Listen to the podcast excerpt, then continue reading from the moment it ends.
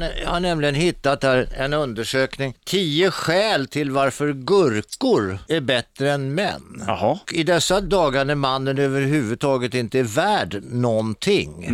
Han behöver ju inte ens vara med vid befruktningen längre. Nej. Utan det där kan ju vara någon annan som har runkat en burk bara, så funkar ju det.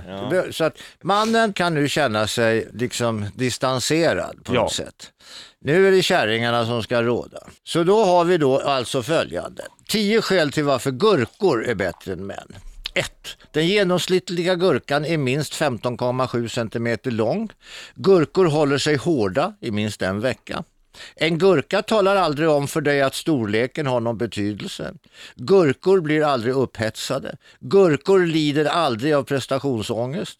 Redan på varuhuset kan du känna på gurkan och genast få reda på hur hård den är innan du tar med den hem. Gurkor kan alltid komma ifrån på helgerna.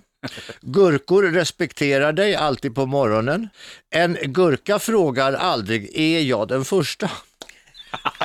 Och på tionde sista plats, gurkor struntar i huruvida du är oskuld eller inte.